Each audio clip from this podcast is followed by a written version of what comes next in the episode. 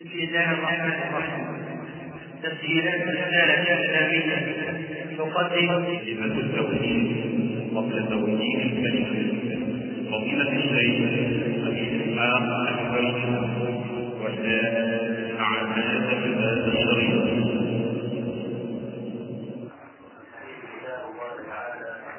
واحسن الهدي هدي محمد صلى الله عليه واله وسلم وشر الأمور محدثاتها وكل محدثه بدعه وكل بدعه ضلاله وكل ضلاله والدليل على ذلك ان موسى عليه السلام. لما عاتب هارون عليه السلام في ترتيب الانكار أو مقاتلة الذين عبدوا العلم قال له جل لا تأخذ بلحيتي ولا برأسي إني خشيت أن تقول فرقت بين بني إسرائيل ولم تذكر قوم. فخشي هارون وهو نبي. أن ينكر على الذين عبدوا العلم وهذا داخل في صريح الشرك حتى لا يقول له موسى أنك لم ترقب قول أن تحسن يعني ببني إسرائيل. كان هذا الرجل يظن أن ليس هناك أحد يحفظ القرآن أو يقرأ القرآن أو ليس هناك قرآن بين أيدي الناس. وفي مقدمة هذه الآية ما يدل على أن هارون عليه السلام أنكر عليهم ولقد قال لهم هارون من قبل يا قوم إنما فتنتم به.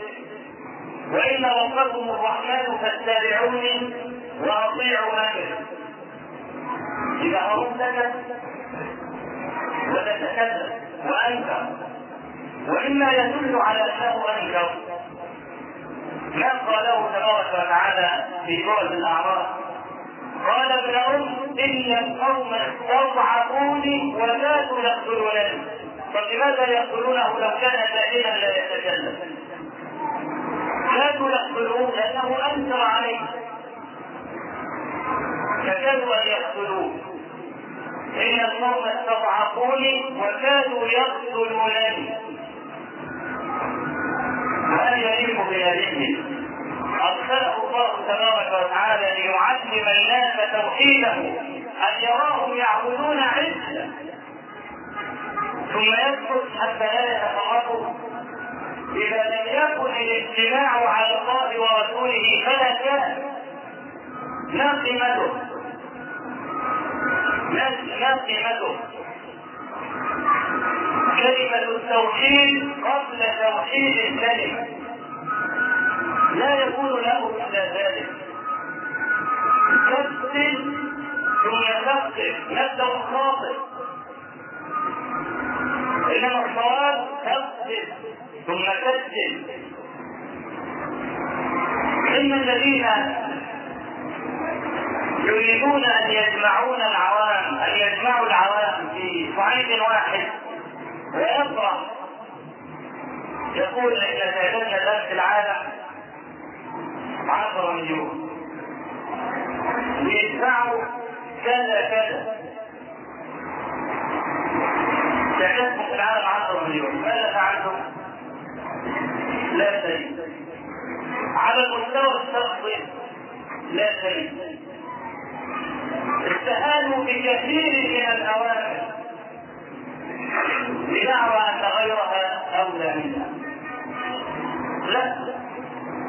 لو أننا أردنا أن نكذب اولا ثم نثبت فنسمع الزنديق والملحد والكافر والشيوعي والرافضي وصاحب الهوى وسنسمع الكل في صعيد واحد. ثم نبدأ نثبت فإذا قلت شيئا يعارض ما عند هذا الملحد قال لي وقال لا. الامر وكيف وكيف أفضل أنا أجادل في هذا الملحد.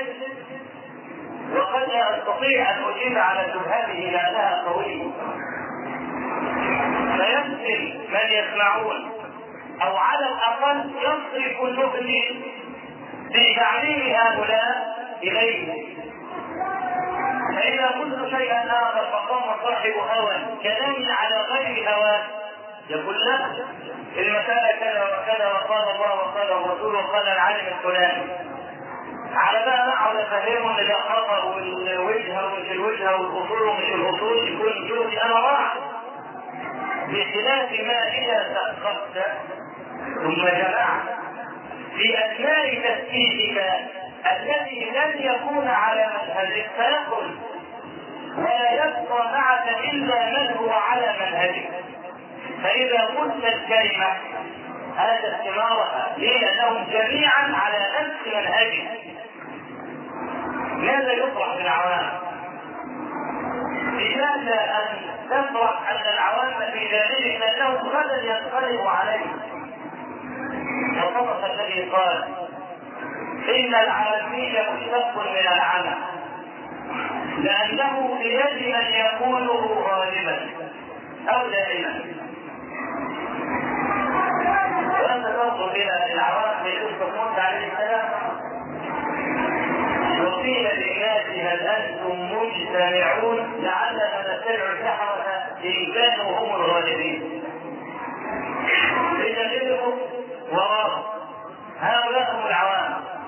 لا تنتصر الأمة على الاطلاق عوامها هؤلاء. إذا كلمة التوحيد قبل توحيد الكلمة. كيف تقول؟ نجتمع جميعا على صفة الإسلام وفيه من يشرك بالله. لا. ليكن منكم عشرون صابرون يغلبوا مئتين عشرون صابرون. لا تتصور أنك يمكن أن تتصل بما عندك من التكنولوجيا وما عندك من المعلومات العسكرية والخبرة نحن نعلم يقينا أن هذا سبب لكنه لا يكون مفتاح النصر إن الذين كانوا يقتسمون التمرات في يوم بدر غلبوا الذين كانوا يأكلون عشرا من الجبال في يوم واحد.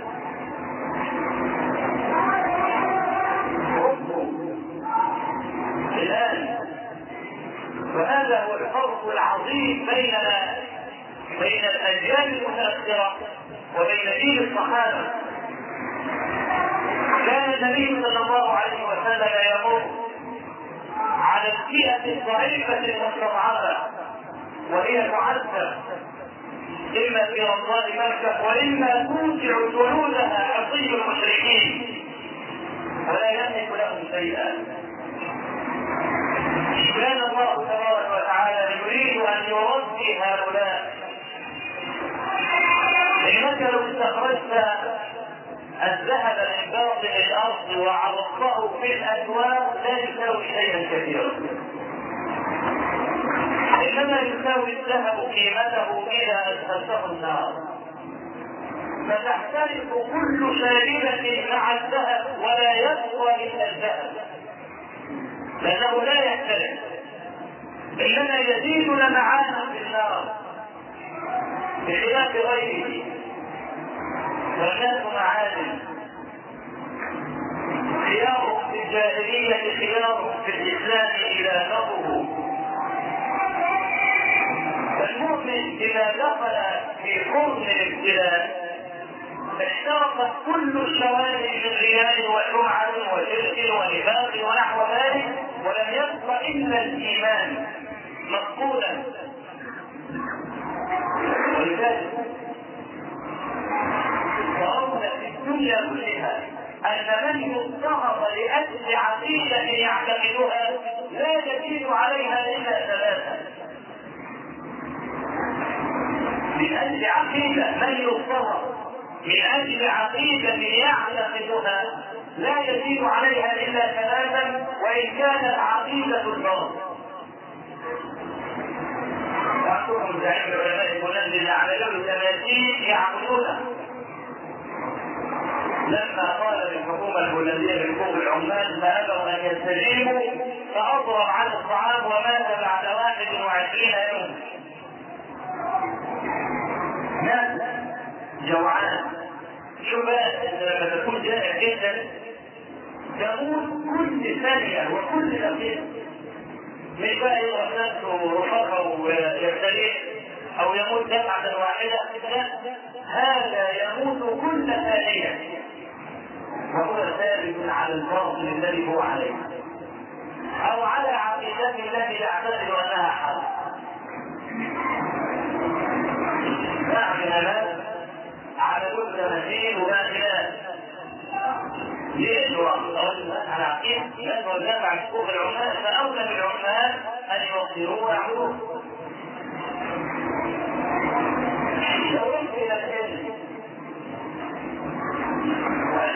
فيها عقول وعدود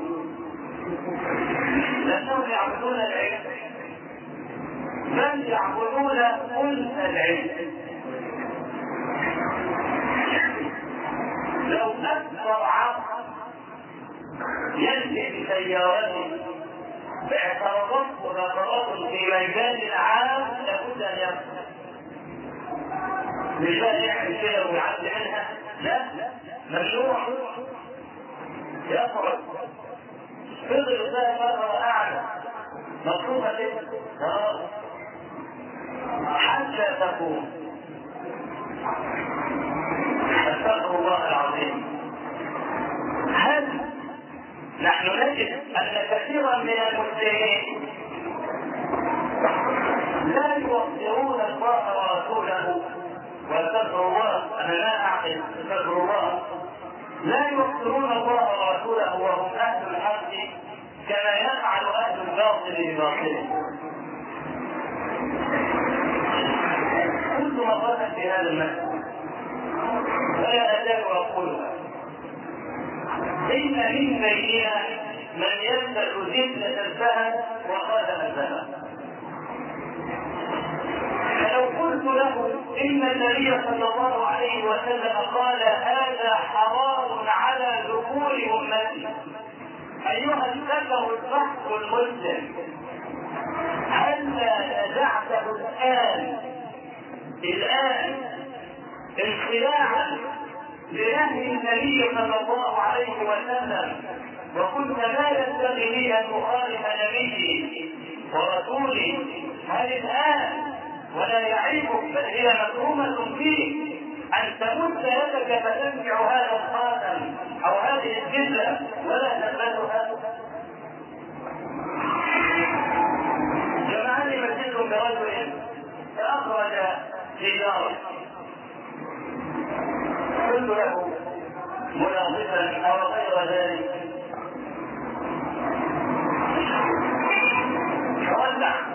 وقال بعدما نفسا نفسا ولما قلت له إن العلماء المحققين افتوا بأن الدخان حرام. فأخذ نفسا عميقا ثم أخرجه من خياشيمه وقال يعني مكروه علمنا أنها مكروه لم تفعلها بإقرار نفسك علمت أنها مكروه. لم تفعلها يخالف وهو يدفع النهي عن المخالفه يعني لا يبتدع ولو مؤقتا. لا. في أثناء سماعه للنهي يفعل المنهي عنه. فإنت عندما تنظر إلى واحد بيعمل ثغرة وقد تجد عالم ثغرة عالم في أي دكتوراه وهندسة رجل ضليع عقله كبير. رغم ذلك يرتكز في عبادة العلم. ولهذه المناسبة أصحح قولا خاطئا يجري على ألسنة الناس. يقولون إن ربنا على العقل وأقول هذا كذب. لأن الله تبارك وتعالى لو عرف للعقل استقلالا لما كفر هؤلاء. لأن عقولهم أفضل من عقول كثير من عوام المسلمين المهتدين الموحدين. لكن الهداية منة ومنحة من الله الهداية منة ومنحة من الله ثم بعد ذلك يجيء يوم العقل. تبعا لتثبيت وجود الله تبارك وتعالى ومعرفته لكن العقل لا يستقل بمعرفة الله وحده. وإلا لما كفر هؤلاء وعقولهم أوسع منا لدراسه فالله تبارك وتعالى معرفته منا ومنحة منه لعبده. ثم يأتي العبد بعد ذلك والعبد صوروا في المحل الثاني عند علماء المسلمين خلافا للمعتزله ومن جرى مجراه اشباه العلماء الآن الذين يجعلون العبد قاضيا على النفس فإن لم يفهم الحديث يرده لا. نحن ما ننكر دور العقل لكن العقل في المرتبة الثانية النقل أولا ثم العقل. فإن جاء تنفس صحيح لم يقع على عقله. فاتهم عقلا ولا تتهم النفس إن عمر بن الخطاب رضي الله عنه وعقله يجب عقل أمم لما قتل الحجر والأفعل قال والله إني لأعلم انك حجر لا تنفع ولا تضر. ولكن لولا أني رأيت رسول الله صلى الله عليه وسلم يقبلك ما قبلت. فهو لم يفهم بتقبيل الحجر معنا وقد جاء الإسلام بايدي الاحجار الآلهة. نحن لا نعظم حجرا. ولا نعبد حجرا. وجاء الإسلام بتحصيل هذه العقيدة فعمر رضي الله عنه يقول إني اعلم انك حجر لا تنفع ولا تضر لأن هذا من تمام عقيدته ولا يفهم معنى لتحصيل الحجر فما الذي جعله يفعل؟ لولا أني رأيت رسول الله صلى الله عليه وسلم يخبرك ما قبلت كذلك جميع النصوص التي لا تفهم لها معنى. إن لم تفهم كيف الأمر لعالمه لكن لا تفهم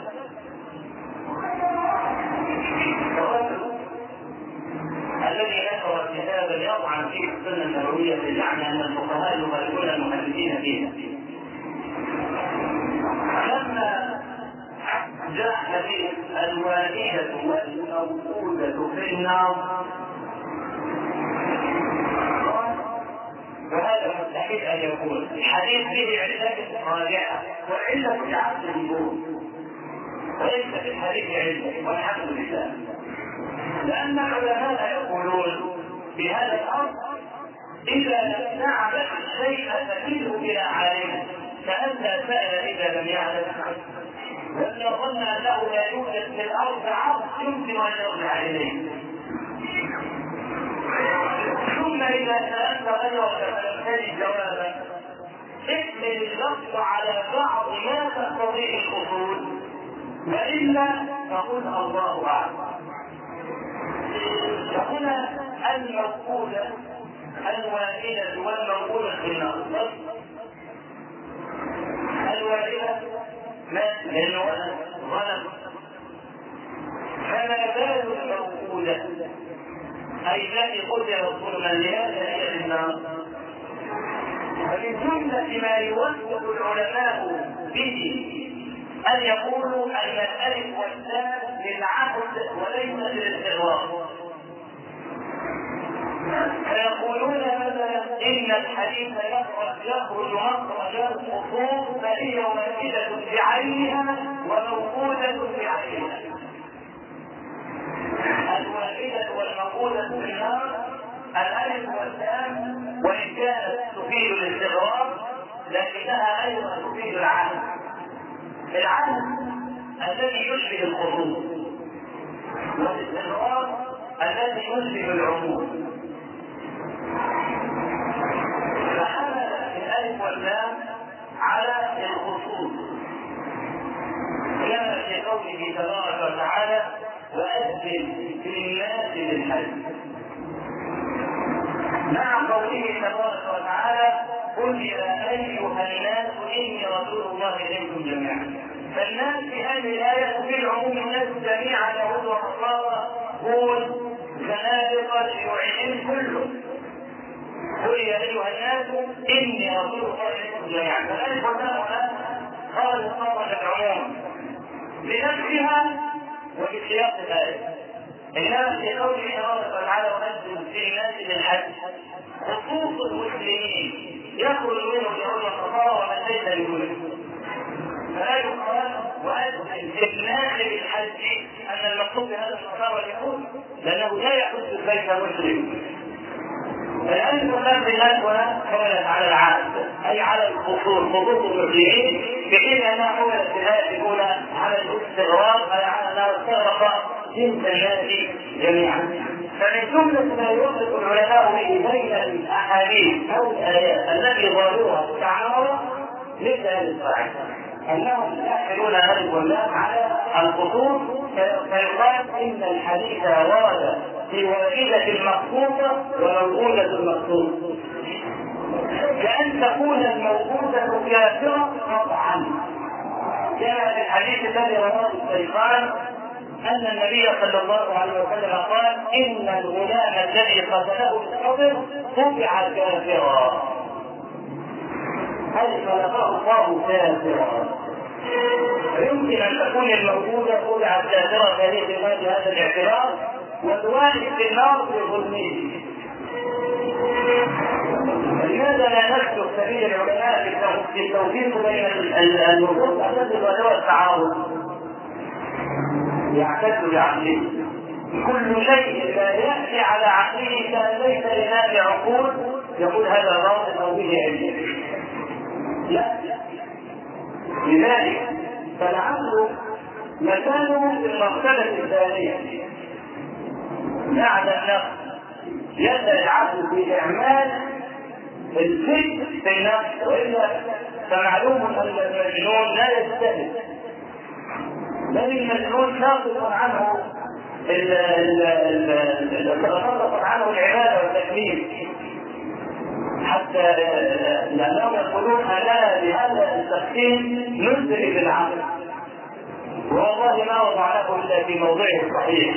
وما ظن المعتزلة عن مسلك أهل السنة إلا أنهم جعلوا العقل قاضيا على النص فكل شيء وافق عقولهم. فهو صحيح أو خالف عقولهم فهو باطل مردود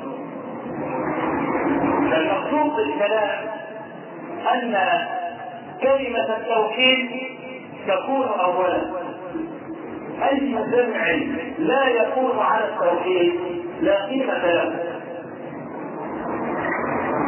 قبل أن تفكر في توحيد الكلمة بين المسلمين واثبت عقيدتهم كيف يجتمع رجل يقول إن الله في كل مكان وينكر أن يكون الله على العرش. كيف تجتمع معه؟ وكيف تجتمع مع رجل يقول إن الله لا يسمع ولا ولا يتكلم ولا يرى؟ وموجود في بعض الفرق المنتسبة إلى الاسلام من يقول هذا حتى قال القائل من أهل السنة وهو الصائم المحب. ان المجسمه يعبدون صنما والمعطلة يعبدون عدما. المعطلة الذين لا يثبتون لله صفه لأن الإثبات صفة عندهم يستلزم منها وجود جارحة. فلما قال هؤلاء هذه المقالة فصرف آخرون ضدهم فأثبتوا الجارحة لله. الجارحة هي العضو يعني. يتكلم لابد من لسان وشفتين وأسنان ولهاء وسقف حنف. يرى لابد من عين وحدقة وأشفار. سمع لابد من صناعة أذن وضبط الوجه ولابد معنى يسمع عند المجسمة له أذن مجسمة. والذين يقولون لو أننا قلنا يسمع لازم أن نقول بالتجسيم فهو لا يسمع فهؤلاء يعبدون الصنم وأولئك يعبدون عدما. وأهل السنة طريق الوسط يثبتون الصفه لله تبارك وتعالى ثم يقولون كما يليق بجلاله. فانت كيف تتضع يدك في يد رجل. كلما جاءت آية من آيات الصفات أولا أو عطلها وكلما جاء حديث من حديث أحاديث العقاد أنكره ورد وقال حديث أحد المبتدع أصلوا أصولا لأنفسهم ليجادلوا أهل السنة بها فهو يقول وفقا للأصل. أنا لا أنازعك فيما تقول الآن لكن أنازعك في الأصل الذي أصلته تقول لي أنا لا أقبل عقيدة متى بها ذر واحد من سلفه ولا الصحابة بل نقولها بكل تواضع نتحدى من يأتي بحديث أو واقعة صحيحة أن صحابيا روى حديثا بالعقيدة بالصفات الأسماء لصحابي آخر فرده عليه. نتحدى من يأتي بهذه بخلاف الأحكام الشرعية. الصحابة اختلفوا كثيرا جدا في الأحكام الشرعية ولم يختلفوا قط في أحاديث التوحيد والأسماء والصفات. فعندما روى أبو موسى أبو سعيد الخدري الحديث الذي رواه البخاري في صحيحه في حديث الشفاعة وفي قوله تبارك وتعالى يوم يكشف عن ساق فقال فيكشف الله عن ساقه عن ساقه صحيح الكلمة في القرآن الكريم منشرة لم تنسب إلى الله عز وجل. ولكن نسبت في حديث النبي صلى الله عليه وسلم وكلامه مبين للقرآن الكريم كما رواه أبو سعيد الخدري فقال يوم يكشف الله عن ذاته. والضمير يعود على لفظ الجلالة هل هناك صحابي اعترض على أبي سعيد وقال كيف تقول هذا الكلام؟ من معك روى هذا الكلام؟ هل وقف أحد قط على أحد اعترض على ابي سعيد هذا؟ إنما إذا أردت أن تقف على عشرات بل مئات الأحاديث التي تضمنت احكاما شرعيه واعترض بعض الصحابة عليها فدونك احاديث السنن والصحاح السيدة عائشة رضي الله عنها لا اعتراضات واستدراكات كثيرة كثير من الصحابة والزكاة يوم كتاب الإجابة فيما استدركته عائشة على الصحابة جاء الاستدراك عليها على كل صحابي ممن استدركت عليه حتى انها استدركت على ابي بكر وعمر وعثمان وعلي وهؤلاء الثالث لما روى عمر بن الخطاب الليل يعلم بالله يحيي عليه حديث النبي عليه الصلاة والسلام. قالت عائشة رضي الله عنها كما في الصحيح عن البخاري. إنكم لا تحدثوني عن كاذبين اللي هو عمر بن ولا مكذبين ولكن السمع يبصر. إن النبي صلى الله عليه وسلم قال ذلك في يهوديته قال انهم ليبكون عليها وانها لتعذب إن الله يزيد الكافر عذابا ببكاء اهله عليه. قال النقوي رحمه الله بل وفي هذا الحديث يعني الأخير استدراك عليها رضي الله عنها.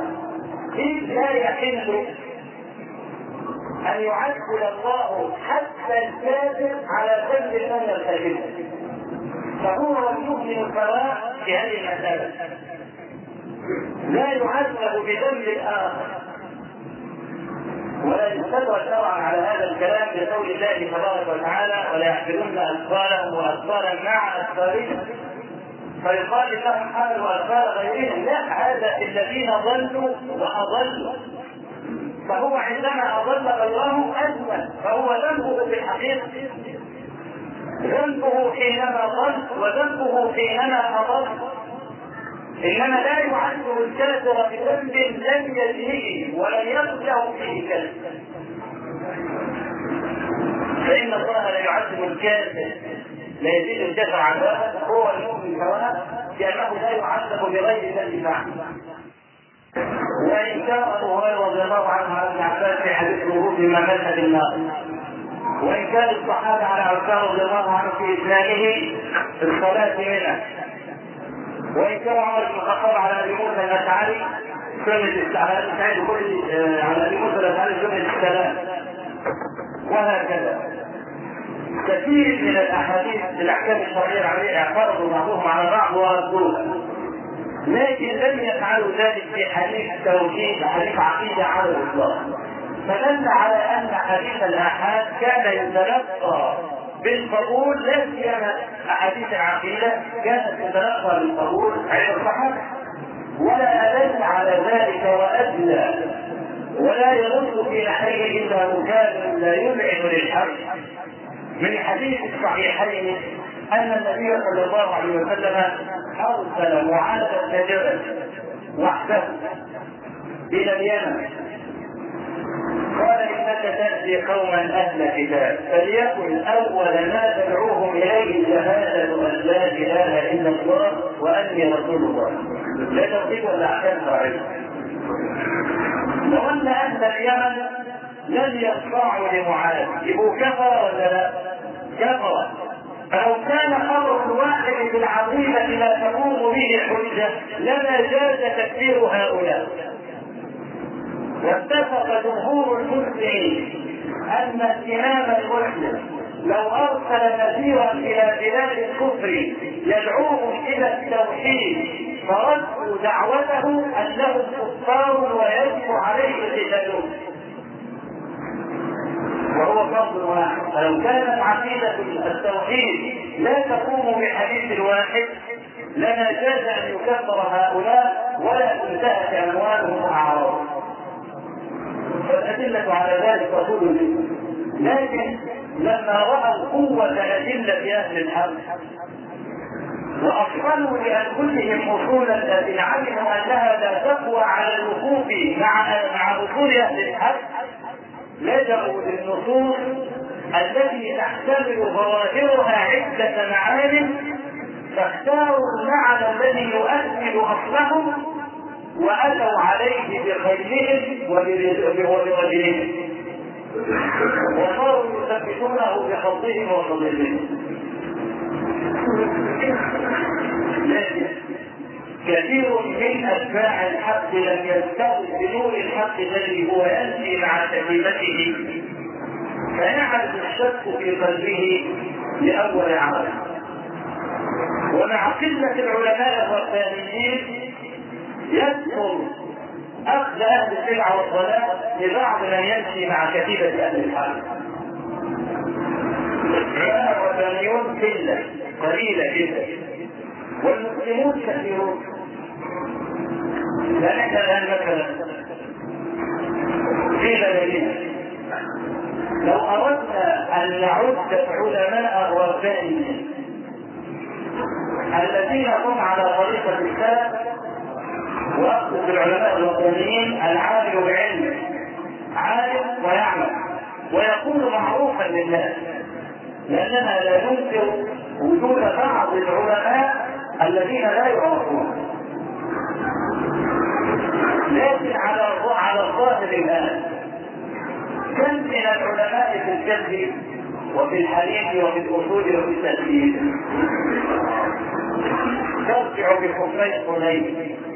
عندما لا تستطيع أن تكمل العلماء الربانيين في شتى الفروع على أصابع اليد الواحدة أو على أصابع اليدين. طيب.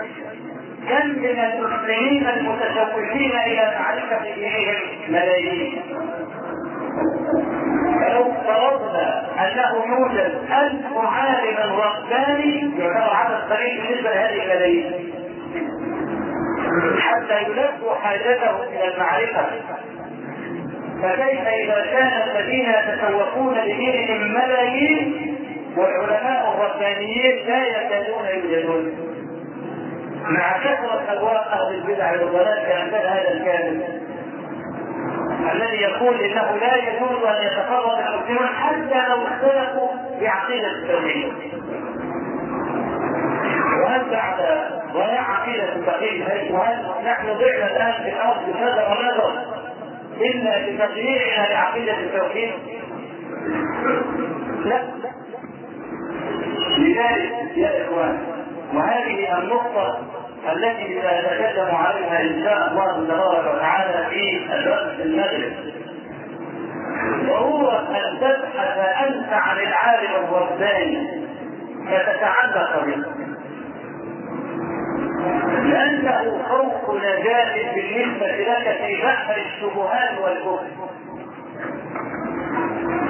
حتى إذا تقول دلوني على الطبيب يقول لك الطبيب في الشارع المجاور معاه دكتوراه لا ده لسه ممالك عنه يقول لك ما عملش حاجة.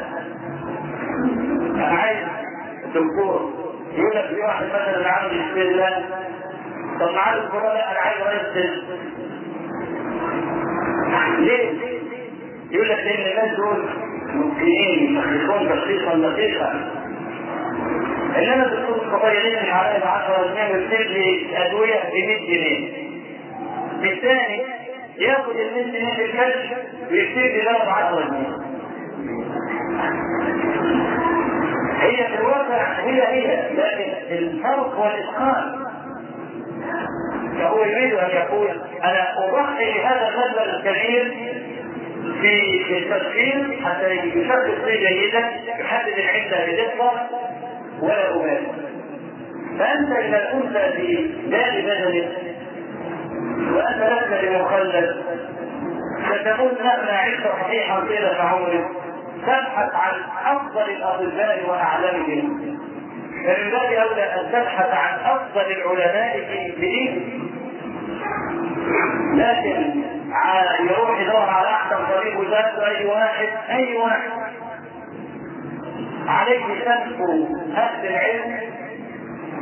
يقول يا مولانا عم الشيخ السؤال عايز سؤال كذا كذا كذا وهم يتصورون أن أي صاحب لحية عالم وهذا أيضا من جملة الاخطاء التي هي عند العوام وتحجبهم عن اعطاء اللحيه لماذا لا تعطي العيال كل تقتنع بالاسباب؟ اللحيه دي عند واحد عالم هيروح عنده معلومات عنده واحد فيه ليس إسقاط هذا في اللحية وأن تتصور لو رأينا رجلا فاسقا له لحية هل يجوز شرعا تقول يا إحدى لحيتك؟ هل يجوز؟ لا لا لأن اللحية هدي ظاهر يمجدك. كأنها بطاقة عالية تقول أنك مسلم لأن لك من الحقوق كمسلم ما ليس لغيرك. فإذا لم أعرف هل أنت مسلم أم غير ذلك فأتوقف في إعطائك حقك فقد ظلمت فحتى لا أظلمك أريد أن أعرف من أول نظرة أنك مسلم. فتأتي اللحية وغيرها من الهدي الظاهر تقول أنك مسلم بدون أن أقول لك وريني الموبايل فهنا عندما يقول العوام عندما يظن العوام كل واحد يحيى عارف هذا مبني على الآية التي ذكرتها. الآن ليس كل صاحب لحية عالم وليس كل معمم عالم كما أنه ليس كل حريق جاهل وليس كل كاتب شعره جاهل مسألة ليست فاعلة تفرض عليها كل هؤلاء الأمراض؟ لا. فلا بد أن تتحرى على العالم الرباني حتى تتعلق به لأنه هو صوت النجاة في بحر الشبهات أو في بحر الظلمات. ولذلك ذات الرجل الذي دخل تسعة وتسعين نسلا. ضد التوحيد وقالوا قديما حسن السؤال نصف العلم. عندما قال دلوني على أعلم أهل الأرض.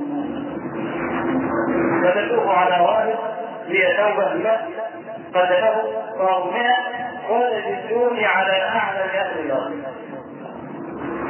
فحسن السؤال نصف العلم. لا يقبلون على عهدك انما على أعدد أهل الأرض. يعني هذا هو الرزق انك إذا أردت أن تسال عن شيء من دينك أن تسال بحثا مبصرا فيه لا سيما إذا كان عاملا بعلمه. أقول قولي هذا واستغفر الله لي ولكم ونلتقي إن شاء الله تبارك وتعالى بعد